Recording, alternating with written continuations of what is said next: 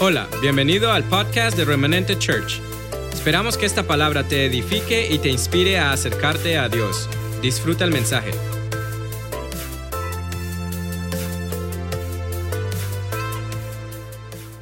Hoy vamos a hablar acerca de mi legado. ¿De qué vamos a hablar? De mi legado. Um, cuando Dios creó todo lo que conocemos y lo que no conocemos, quiso compartirlo con alguien y allí estableció una relación estrecha con el hombre.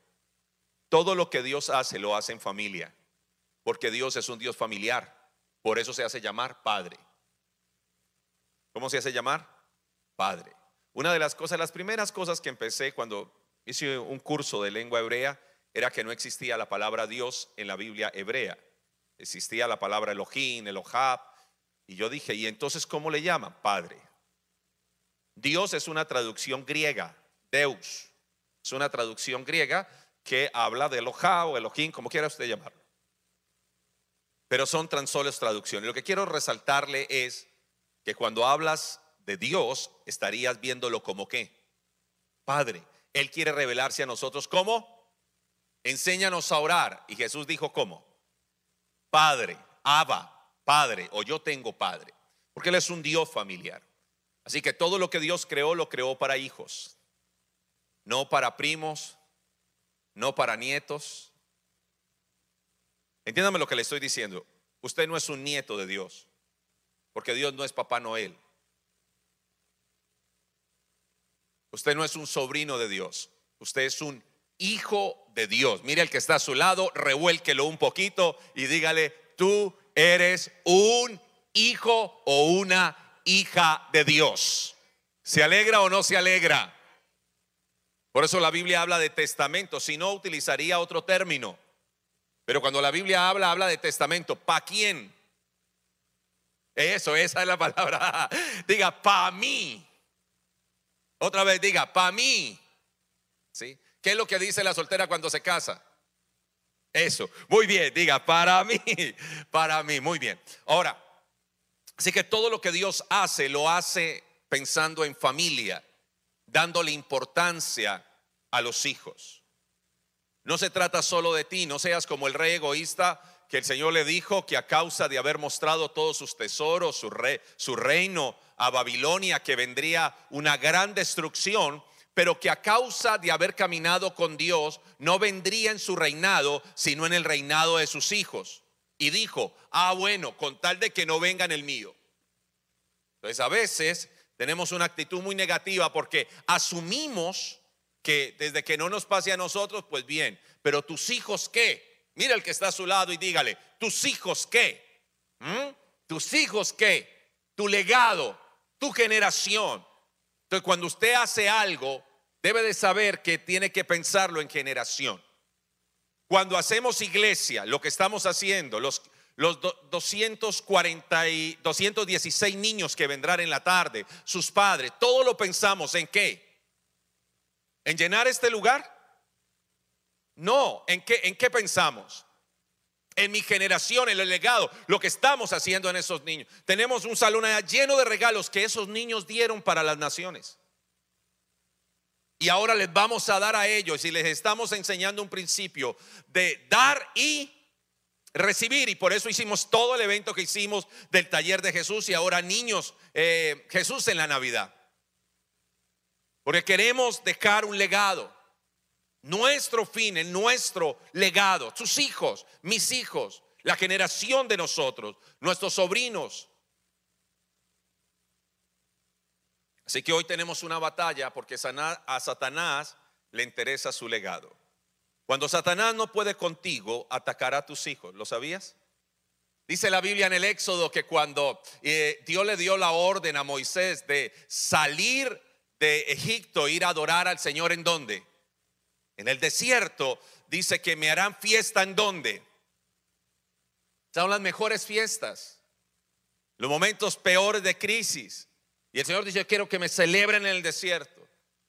Entonces Faraón dijo, vayan y déjenme en los hijos. ¿Qué dijo? Vayan y déjenme en los hijos. Hace días mi hijo menor me dijo, tengo crisis existencial o espiritual, quiera como usted lo quiera llamar. No quiero ir a la iglesia. No voy a ir al campamento de jóvenes. Eh, tengo crisis. Y que eso se lo diga su hijo, porque no puedo, estaba enojado con Dios, tal vez conmigo también. No entendía este proceso, estos cambios y muchas cosas que le ha tocado vivir como hijo de pastor. No es fácil. Y le dije, recuérdame qué edad tienes. Y me dijo 15. Y le dije, uh, gracias por recordármelo. Como eres menor de edad, estás bajo mi sujeción, hijo. ¿Me vas a obligar a ir? Y le dije, oh, no, pero me mentiste. Dijiste que estabas enfermo y eso no lo tolero. No me gusta, me mentiste. Debes de ir. Por eso me estás obligando. Y le dije, no, debes de ir. Colgó, la, colgó mi corazón arrugado. Pero recordé que el menor, el mayor también tuvo crisis. ¿O solamente mis hijos tienen crisis?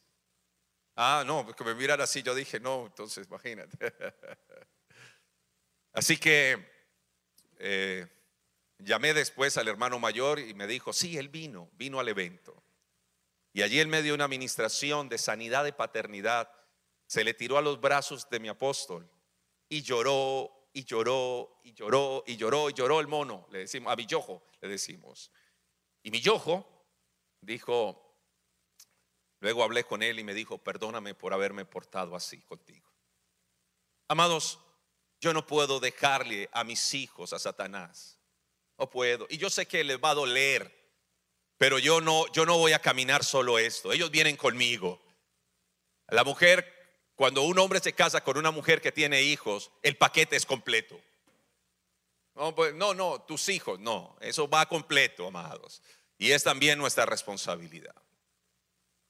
¿Por qué le digo esto? Porque hoy batallamos con ello. Batallamos con una cultura, para los que les gusta estudiar más la palabra, babilónica, una cultura de adoración a sí mismo. Hay una cultura también religiosa Batallamos con esa cultura religiosa donde no dejas que, ni entras ni dejas que otros entren. Pero hay una cultura de reino que es lo que estamos enseñando y por eso este tema que se llama mi legado. Pero tus hijos son parte de esto. ¿Sí o no? Esta iglesia se hace y se dice y se mueve para nuestros hijos. Ya llegamos, uy, llegamos, pero no vamos a llegar solos. Toma la mano de la persona que tienes a tu lado y dile, no vamos a llegar solo. Tus hijos también vienen. ¿Sabe qué dijo Moisés? Le dijo a Faraón, le dijo, ni una pezuña queda en Egipto. Así que yo sé que nuestros hijos pasan crisis, los míos también las pasan, pero esos vienen con nosotros. Amén. Y no porque fallen, dejan de ser hijos, serán hijos por siempre. O usted falla y deja de ser hijo. ¿No qué? Ah, ya. ¿Verdad? Seguimos siendo qué? Seguimos siendo hijos. Teniendo esto claro, vamos a profundizar en la escritura. Isaías 49, 25, por favor. Permítame un momento.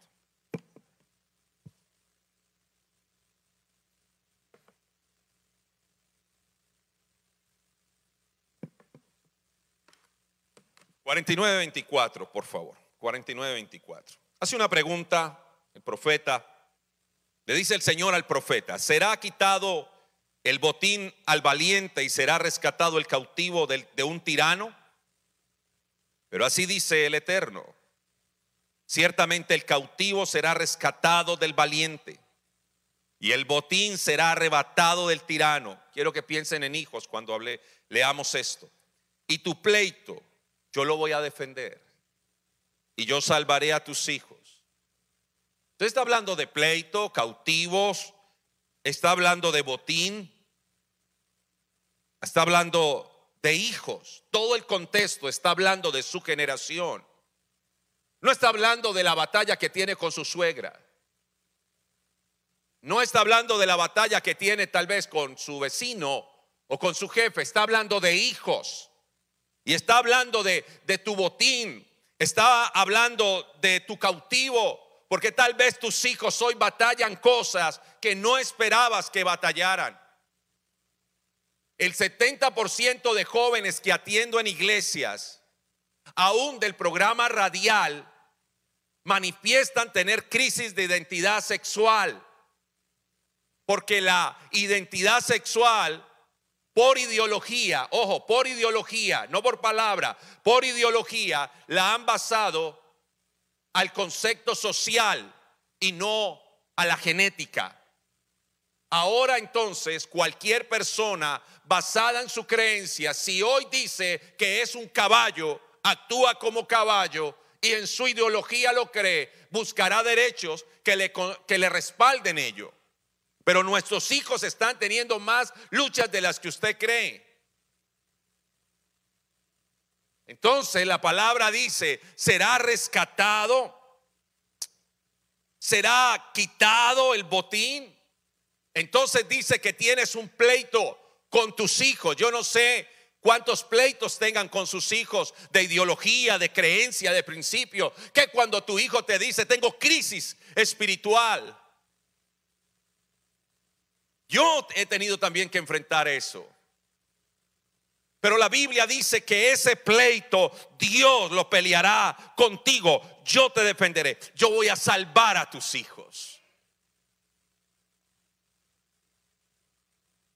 Y aquello que el enemigo utilizó para comer a tus hijos, dice versículo 26, y a los que te despojaron haré comer sus propias carnes y con sangre serán embriagados como con vino y con su sangre, perdón, serán embriagados como con vino y conocerá todo hombre que yo el eterno soy salvador tuyo y redentor, tuyo el fuerte de Jacob. Aleluya. Yo sé que ningún padre es perfecto, pero con la guía del Padre Celestial, de la palabra y de modelos de vida, puedes volverte en un padre exitoso. Ahora tú necesitas guiar a tus hijos y tomaré algunas palabras de introducción de esto. Tú necesitas seguir guiando a tus hijos espiritualmente. Le voy a hacer una pregunta. ¿Cuál es la edad más importante de un niño o de un hijo, perdón? ¿Cuál es la edad más importante de un hijo? La edad más importante de un hijo. Lo he estudiado. Lo que le estoy diciendo no es conocimiento. Es la edad que tienen ahora. Esa es la edad más importante de un hijo, la que está viviendo ahí. En las etapas programadoras, que va de 1 a 7 años, se establecen bases muy sólidas para lo que va a ser. Pero esto es lo que pasa con los padres. En la niñez le prestan toda atención porque hay mucha dependencia. En la preadolescencia lo van soltando, es normal. En la adolescencia entran en crisis y pasan procesos muy duros, pero suele el padre estar descontextualizado y soltarlo en la adolescencia. Y cuando sueltas a tu hijo en la adolescencia, que por cierto él quiere soltarse y va a retar tu autoridad, usted le dice, llega a las 10, ¿a qué hora llega? ¿O solamente me pasa a mí? ¿Ah? No me entra solo con la novia a la casa, no. ¿Y qué hace? Te reta tu autoridad muchas cosas, pero ahí está tu enseñanza, ahí está el no perder los estribos, ahí está no perder tu, tu, tu juicio, ubicarte y recordar quién eres. Pero empiezan padres a decir, haga lo que quiera, usted verá, y él está tomando esa palabra. La edad de tus hijos más importante es la que tienen ahora.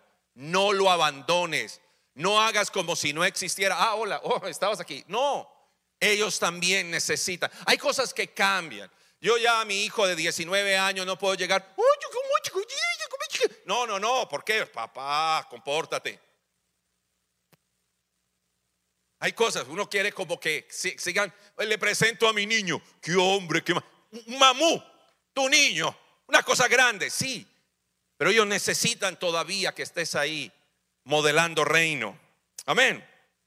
Ahora, preséntale a tus hijos a Cristo. Muestra el Cristo que hay en ti. Ellos van a ver tu moralidad. Ellos van a ver, para ellos, más que el ruido de tus palabras son tus hechos. Ahora bien, aquí está la clave. Tú quieres que tu hijo sea tierno contigo, sea tierno con la mamá que lo que ama. Usted quiere que su hija sea tierna con usted, sea tierna usted con su esposo, porque se llama modelamiento.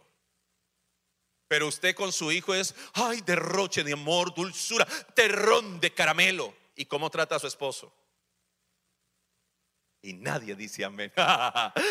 ¿Cómo lo trata? Porque ellos lo están viendo. Se llama modelamiento. Lo dijo un hombre llamado Albert Bandura. No tiene que saber el nombre de ese señor, pero sí que la Biblia también lo dice. Nada hará el hijo que no vea hacer al padre. Porque todo lo que el padre haga, el hijo lo hará y doble. Oh hombre, Romanos capítulo 2, versículo 1 y 2. Oh hombre inexcusable, cualquiera que seas tú. Tú que dices que no se puede gritar, gritas. Tú que dices que no se puede mentir, mientes. Tú que dices que hay que caminar rectamente, no caminas. Pues en lo que juzgas a tu hijo, te condenas a ti mismo. No, no estoy bravo, tranquilos. Solo le estoy enseñando.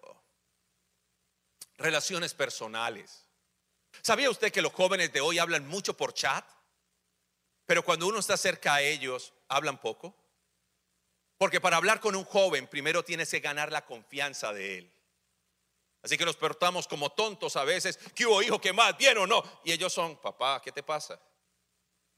Amigos tengo afuera. Yo no necesito amigos, yo necesito un papá. Pero lo que más le estamos corriendo hoy es a ser padres. Queremos ser los amigos íntimos de nuestros hijos, los amigos cercanos. Eso no va a pasar. No pasa así. En la niñez tal vez porque usted es el héroe de su hijo. Lo que le prometa, cúmplalo, porque usted es el héroe de su hijo. Pero cuando crecen, sus héroes son otros. Van a requerir siempre un padre. No le huya la paternidad. Así que enséñale a tener relaciones cercanas y personales, diálogos abiertos. Porque yo le pregunto a un hijo, ellos no hablan, ellos sí hablan. Yo que hablo con ellos hablan mucho. Pero usted cómo le pregunta a sus hijos, ¿cómo le fue? Bien, si ve, ya me contestó uno. ¿Cómo le fue? Bien. ¿Cómo está? Bien. Ah, bueno, mijo. Es que no hablan, es que usted pregunta como un interrogatorio. ¿De dónde viene? No. ah, no, yo lo quiero. Muéstrame el celular. ¿Para qué? ¿Cuál es el fin? Entonces andas con una paranoia, un miedo. Eso no aquí, eso en otras iglesias. Enséñale a su hijo la vocación por las cosas. Permanezca en lo que en lo que Dios le ha dado y enséñale a hacer las cosas como para Dios. Colosenses 3:23 dice, "Y todo lo que hagas, hágalo de corazón, como para el Señor y no para los hombres." Enséñale a su hijo. Por más simple de lo que haga, hágalo con amor. Ellos no dirán mucho, pero observan demasiado. Enséñales a administrar el dinero.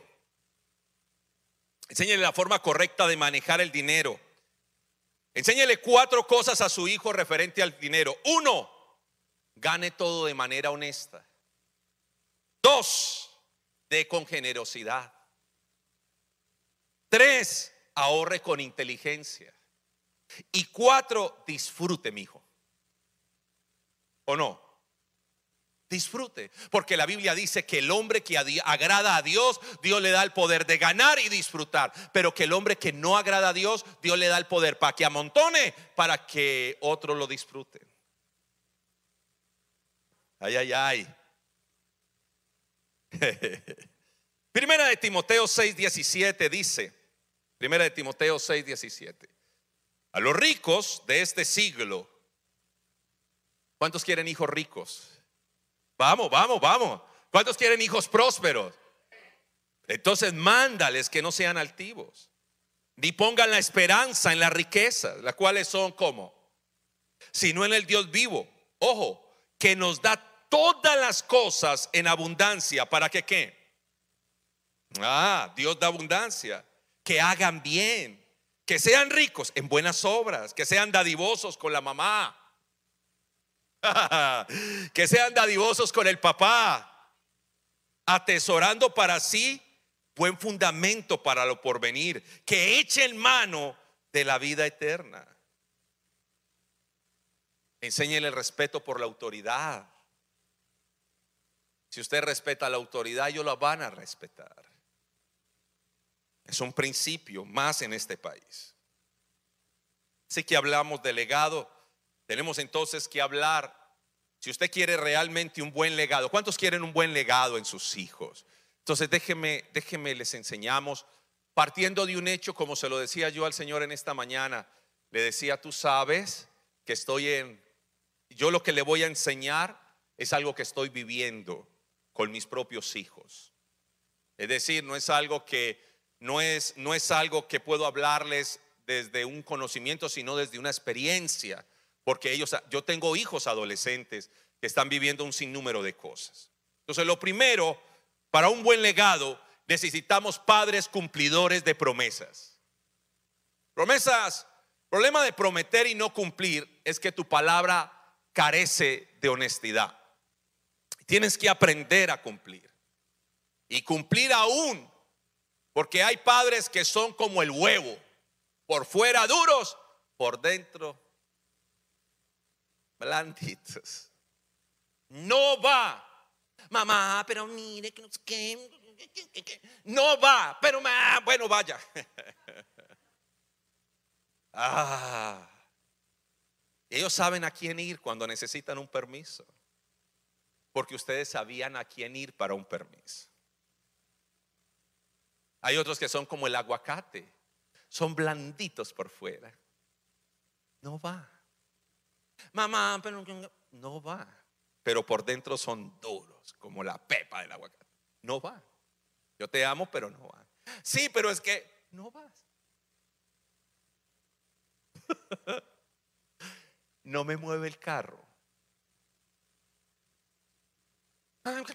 No lo mueve. De ahí no sale ese carro. ¿Lo ves bonito? Ay, mire cómo tengo los zapatos. No lo mueves. Porque aprendiste a cumplir lo que prometiste. ¿Quieres un buen legado? Queremos un buen legado. Lo que prometas, cúmplelo. ¿Está claro? Apenas se tocan el cuello, hacen como así, no sé. Eclesiastés 5:5 dice, mejor es que no prometas y no que prometas y no cumples. No dejes que tu boca te haga pecar, ni digas delante del ángel que fue ignorancia, que no sabías, porque harás que Dios se enoje a causa de tu voz y que destruya la obra de tus manos. Y en el contexto que estamos hablando, se estarían destruyendo quienes? Tus hijos. Tienes que eso se llama carácter. No confunda carácter con debilidad. Ya dijiste que no. No. Dijiste que sí. Sí. Asume lo que lo dijiste, lo prometiste. ¿Está claro o no? Necesitamos para un buen legado padres que se levanten, que inspiren y que apoyen. Pero ¿qué tenemos? Tenemos padres con esquemas mentales de temor eh, mamá, voy a salir con mi novio. Ya tiene novio, ay Señor. Ya tiene novio. Ok, amor, vaya, pero tenga cuidado porque si ese tipo le ofrece cualquier y empieza a trabajarle el cerebro para que lo haga. Hagamos un ejemplo. No piensen en una manzana verde y de una se lo imagina. Porque nosotros tenemos que interpretar lo que nos están diciendo. Entonces, si yo como predicador estoy aquí y digo, dejen de estar pensando en... Y ahí empiezo, los hago pecar. No tiene que saber lo que habla. Entonces, en esto tienes que ser persona que no operas en temor para inspirar a tus hijos. En el amor no hay sino que el perfecto amor echa fuera. Eso muy bien. Entonces necesitamos ser de aquellos que captamos la necesidad de nuestros hijos, que entendemos las etapas de su desarrollo que son diferentes. No vas a criar a un niño de 1 a 7 como crea, crías a un niño de 7 a 14. No te portes así con tus hijos. Ellos van creciendo, usted también necesita crecer. Mira el que está a su lado y dígale, crezca por favor. Tienes que seguir creciendo. Lucas 12:30 dice, porque todas estas cosas buscan las gentes del mundo, pero vuestro Padre sabe que tenéis necesidad de estas cosas. Usted tiene que captar la necesidad de sus hijos, saber que están en una, sus hijos están en un mundo tecnológico y ahora vamos a otro mundo virtual. La realidad virtual es tan extrema, tan extrema que vamos a llegar, que nuestros hijos van a salir y dice, mami, voy a salir con una chica. Ok, hijo. Y ahí está. ¿Y cómo te fue? Bien, bien, bien. Aquí estamos en un restaurante comiendo. Realidad virtual. Eso está pasando. Entonces, cuando usted ve una computadora, usted, ¡ay, es un demonio! Ellos están en, en otro contexto. Ellos están en un mundo virtual. Tienen millones de amigos. Solo que no están para cuando los necesitan. Porque cuando, y eso es bueno. Porque cuando están en ese momento necesitan es un papá. Necesitan una mamá. Necesitan un hogar. Quiero hacerles una pregunta. Mateo 7, 9. Dice, ¿qué, ¿qué hombre hay de vosotros si su hijo le pide pan, le dará una piedra? O si le pide pescado, le dará una serpiente. Entonces yo hago una pregunta cuando puse ese versículo en esta predicación es, ¿qué le estás dando a tus hijos? ¿Qué le das a tus hijos? Ah, yo, para despacharlos por la mañana un juguito de cajita y un paquete de snack. ¿En serio? Así no se alimenta un hijo. Y aún, aunque no me estoy refiriendo a la alimentación, ¿qué le das espiritualmente a un hijo? ¿Cuándo fue la última vez que pusiste tu mano en su cabeza para bendecirlo? ¿Cuándo fue el último momento que, que declaraste una palabra de bendición sobre él? ¿Qué le estás dando? Y pregunta al Señor, ¿Quién de vosotros, si su hijo le pide pan, le da una piedra? ¿Quién de vosotros, entiéndame, qué le estamos dando a nuestros hijos? No es lo que el mundo les da, el mundo le ofrece de todo, pero tú qué le estás dando? Nuestros hijos necesitan inspiración y apoyo. Hágale, vamos. Más, ¿será que sí? Hágale. Dios está contigo. Y si caigo, te levantas. Y si fallo, Dios te restaura. Vamos, inspíralos. Ven, mira que te siento algo por alguien. Te reprendo, Satanás. No, no, ¿cuál te Ah.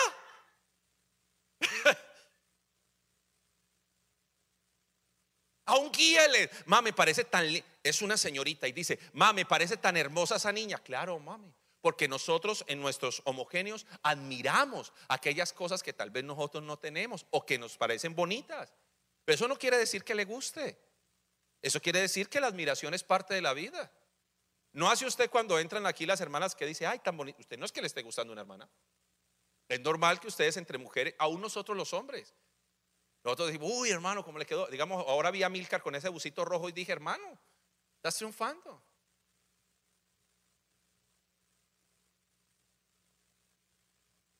Entonces, amados, tenemos que aprender a enseñarles, no en el temor, sino en direccionamiento. Más estoy enamorada, me, siento enamorada, qué bueno. Venga, yo, venga, hablemos de eso. Mire, amor, el enamoramiento uno se ciega. Por eso se llama novio. Se llama novio. ¿Cómo se llama? Novio. Por eso yo no vi. No, mentira. ¿Me entiende? Tienes que aprender, enseñarle, entrar en su mundo. Pero la religión no nos deja.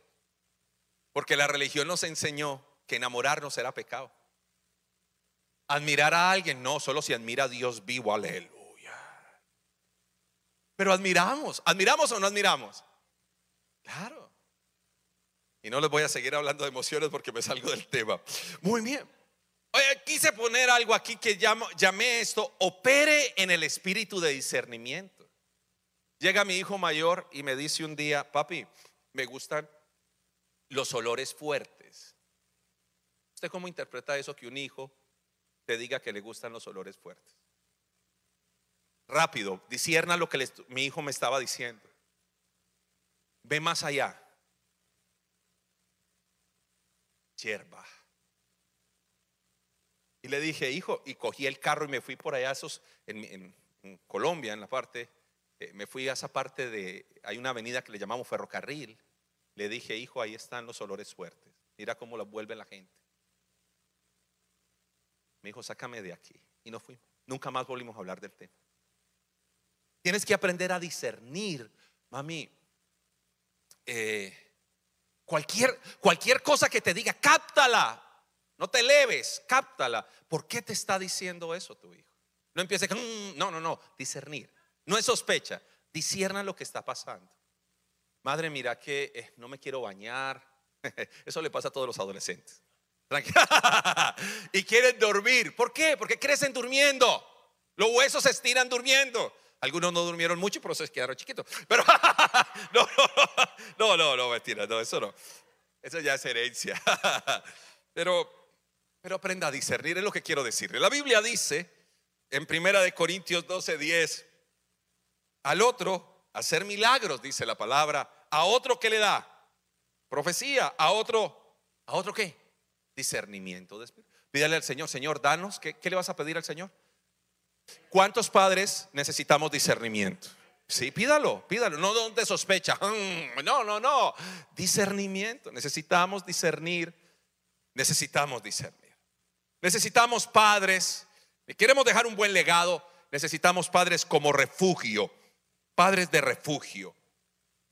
Y aquí les voy a enseñar el principio del águila. Deuteronomio 32, 11. Tal vez eh, lo que necesitaba tu hijo, tu hija, era refugio. Hay que aprender a tener los brazos abiertos para ellos, aunque fallen. Porque ellos siempre van a buscar el regazo ¿Usted no ha visto que cuando usted está triste se recoge como feto? ¿No lo ha notado? La posición fetal, que usted está en la cama, inmediatamente se recoge y duerme así. Cuando usted no tiene, cuando usted está bien, usted es como la esposa de nosotros, ¿verdad?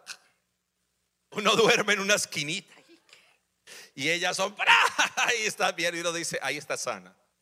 Pero cuando la persona se recoge como feto, uno sabe que hay un proceso. Entonces nuestros hijos necesitan refugio. Por más grandulones que sean, necesitan de ese refugio. Y yo quiero ser un refugio para mis hijos. Amén. Un refugio. La Biblia dice en Deuteronomio 32, 11, como el águila que excita su nidada, revolotea sobre sus polluelos, extiende sus alas y los que, y los toma, los lleva sobre sus plumas y esto voy a hacer una referencia porque hace referencia al Señor, pero luego quiero volver al versículo 11. Jehová solo le guió y con él no hubo Dios extraño. Yo no quiero, yo quiero ser el refugio para mis hijos, porque si tú no eres refugio para tus hijos, entonces pregunto, ¿quién está haciendo la labor de padre en tus hijos? Porque la labor de padre no se tima. Es decir, no, no se reemplaza. Eh, si alguien, si usted no cumple la labor de paternidad, eso van a buscar a otro. Por eso es que uno le dice a la, esposa o a, o a otra, mami, papi, ¿por qué? Porque está buscando un papá. ¿Quién está cumpliendo la labor de paternidad en tu casa? ¿O le has dejado toda la responsabilidad a tu esposa? Pa, me puede, dígale a su mamá. Dígale a su mamá. Revuelca al que está a su lado y dile, ¿y usted qué?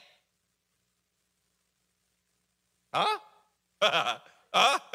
Despertó. ¿Ah? Nuestros hijos necesitan muchas veces que les dañemos el nido. Dice el versículo, en el versículo 11 dice que el, águila revolotea y dice, excita su unidad, le rompe el nido. Porque hay hijos a los 40 que dicen, más, ¿será que me voy de la casa ya o no? Tienen que volar.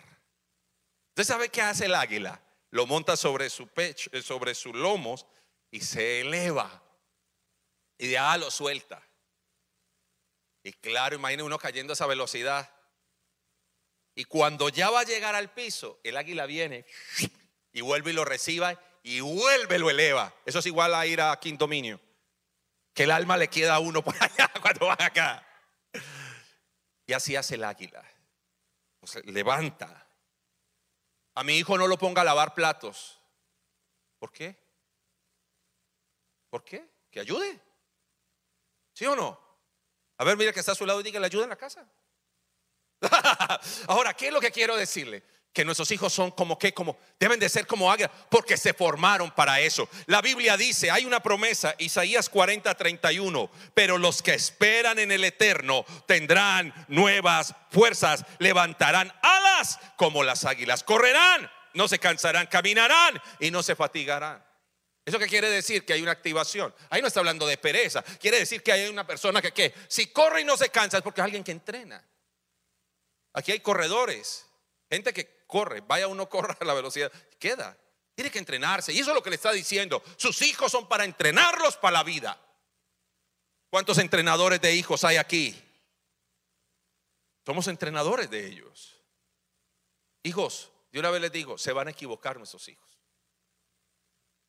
Posiblemente se enamoren de la persona que usted no quiere que se enamoren. Y tal vez sea de la cultura que usted no quiere que se que se enamoren. Usted dice, usted dice, "Ay, el esposo, yo voy a orar, Señor, yo quiero el esposo, mi hija, sí, eh, que, que mida, no sé, ocho pies, ocho pies, no sé, no sé, no sé, no tengo esas medidas, ya iba a decirle en centímetros, pero, pero sabe algo, es humano y se va a enamorar porque, escuche esto, suele uno buscar la figura de mamá en, otras mujeres y la figura de papá. Ahí les dejo eso. De tarea. Una más, ya vamos a entrar en la recta final, se nos ha ido el tiempo. Padres que disciplinan. Ay, ay, ay.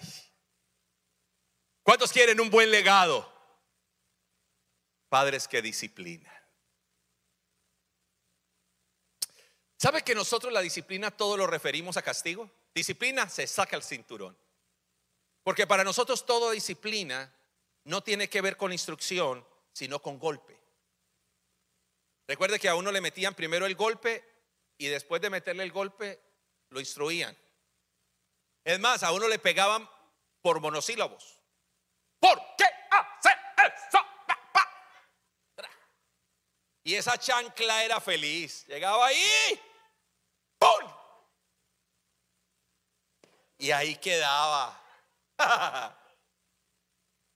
Hablando con Diego Quiroga, la mamá le metió un tenedor en la cabeza. O sea, se lo tiró y quedó clavado. Y él era corriendo con ese tenedor. Y luego la mamá comprando el helado para que el papá no se diera cuenta. ¿Qué quiero decir con eso? Que muchas veces fuimos criados de esa manera. Entonces nuestra disciplina está en el insulto, en avergonzar, mí yo no me puedo ir así. Se va así. ¿Para que no lo lavó? Entonces buscamos que sea vergüenza, dolor, flagelación. No. Cuando usted va a la palabra, disciplina tiene que ver con instrucción. Disciplina tiene que ver con amonestación. Disciplina tiene que ver con modelamiento. Pero nosotros disciplina es que... Y ojo llama a la policía porque me deportan.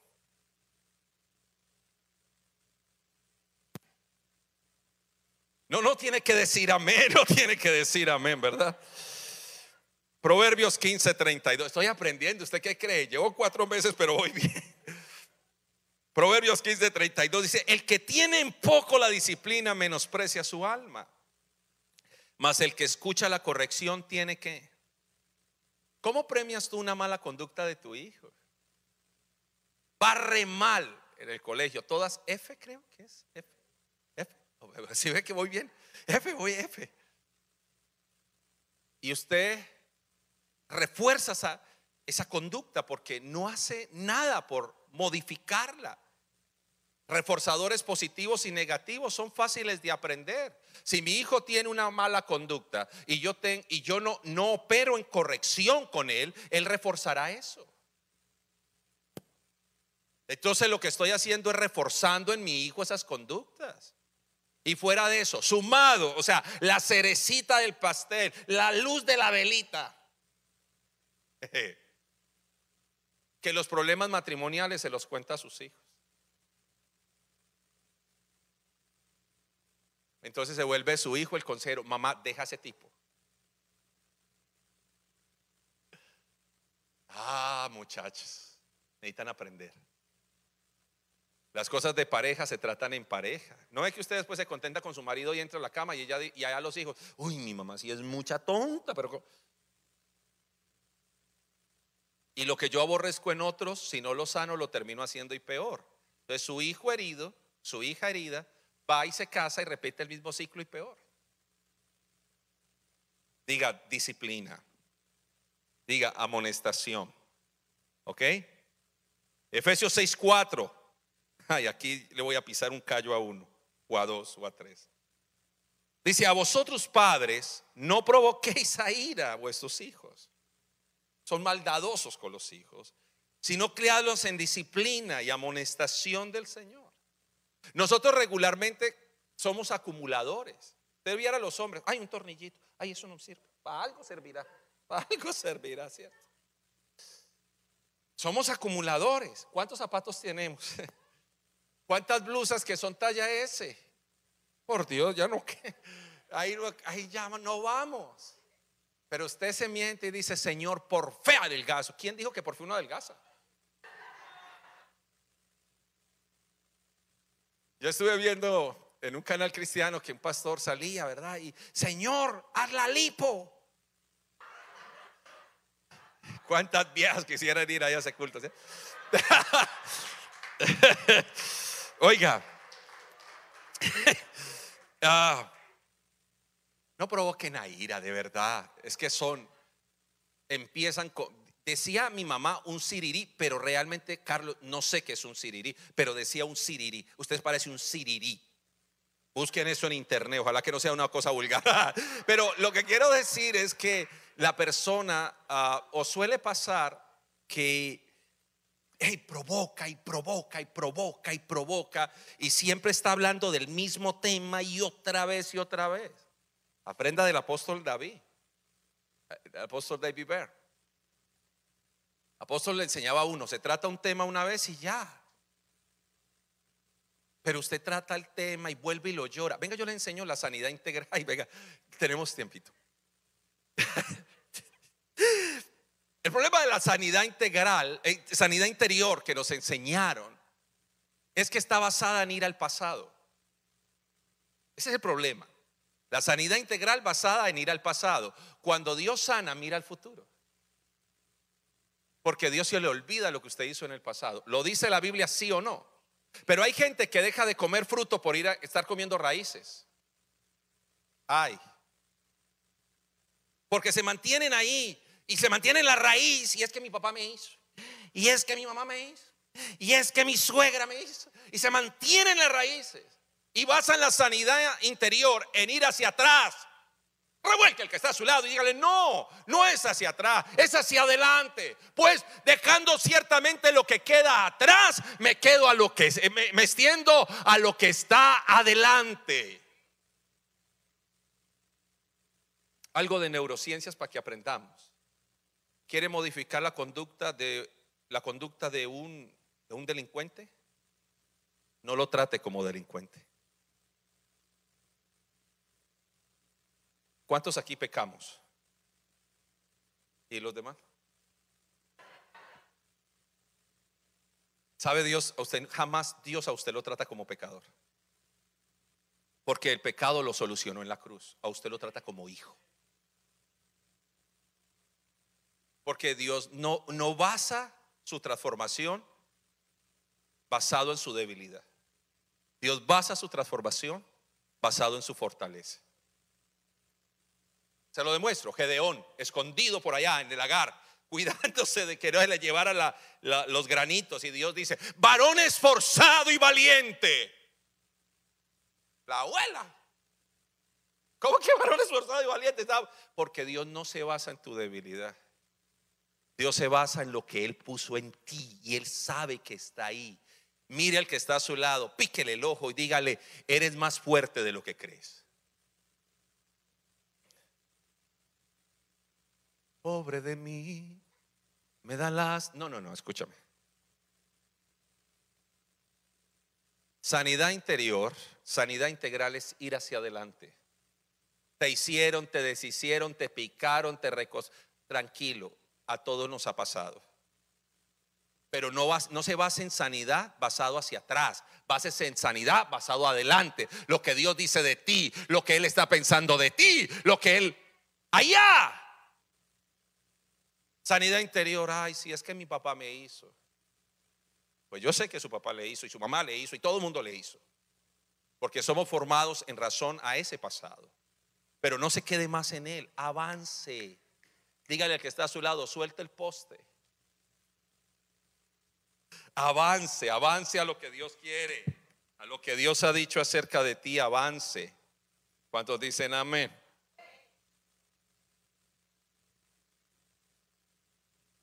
Ya llegamos a la recta final. Me voy a quedar ahí. Quiero que seamos padres que restauran. Cuando usted proyecta a su hijo o quiere restaurar a su hijo, míreme pues por favor para que cerremos bien. Cuando usted quiere restaurar un hijo, no puede basar la restauración de su hijo en los errores de él. Porque si usted basa la restauración en los errores de él, se funde. Porque usted va a tener temor de volverle a prestar el carro, temor de invertir en él. Temor, venga, yo les digo algo, por conocimiento, por ciencia. Las personas cambian cada cinco años en procesos evolutivos, si quiere llamarlo así, de su, de su, de su vida. Y ellos van madurando. ¿Ha visto madurar a sus hijos, sí o no? Dígame la verdad, sí o no los ha visto. Ellos van madurando. Ellos van madurando. Entonces, está en nosotros saber que la restauración también los cubre a ellos. ¿Cuántos han sido restaurados por Dios? Entonces la restauración también los cubre a ellos. Y la restauración no está basada ni para atrás ni en temor, está basada en futuro. Se lo voy a demostrar. Mire, la Biblia dice en Lucas 15, 15 20, para que cerremos, y levantándose vino a su padre. Y cuando aún estaba lejos, vio a su padre y fue movido a misericordia. Y corrió y se echó sobre su cuello y le besó. Y dice, y el hijo le dijo, Padre, he pecado contra el cielo, contra ti, ya no soy digno de ser llamado tu hijo. Mire la perspectiva del padre. Pero el padre dijo a sus siervos, saquen el mejor vestido, vístale, póngale un anillo en su mano, calcen sus pies, traigan el becerro gordo, que ese era para diciembre, mátenlo y comamos y hagamos fiesta. ¿Por qué? ¿Por qué? Dígamelo, ¿por qué? ¿Por qué? Porque el padre sabe para qué fueron hechos sus hijos. Pero cuando un hijo entra en un proceso de restauración, basamos el proceso de restauración en temor y no en dignificación. Una de las operancias satánicas es la vergüenza, la culpa. Satanás opera muy bien en la culpa. Pero si vamos a restaurar hijos, tienes que mirar allá hacia donde Dios los está llevando. ¿Qué es lo que Dios ha dicho de ellos? ¿Cuáles son las promesas que Dios hizo sobre ellos? ¿Viste que el padre de una invirtió otra vez? Póngamele un anillo, póngamele calzado, vístalo, hágale una gran fiesta como si recibiera un rey. Diga, Mi hijo, mis hijos son reyes, aunque vengan oliendo a estiércol.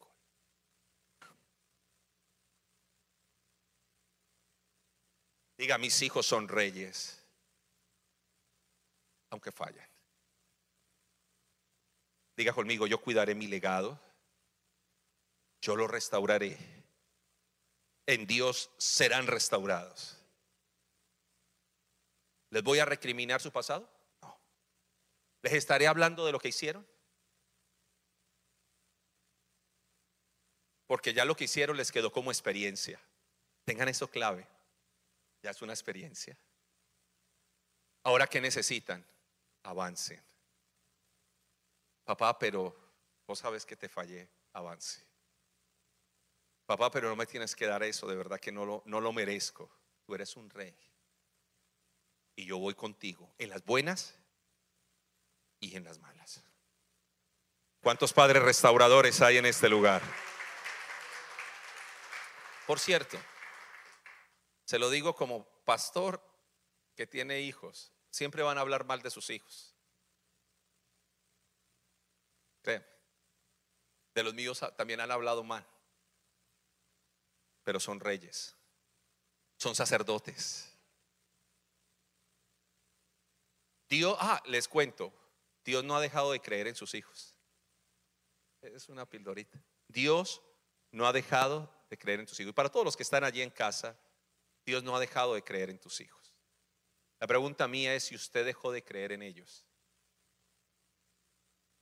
¿Qué tal si hoy nos ponemos sobre nuestros pies? Esperamos que este mensaje haya sido de bendición.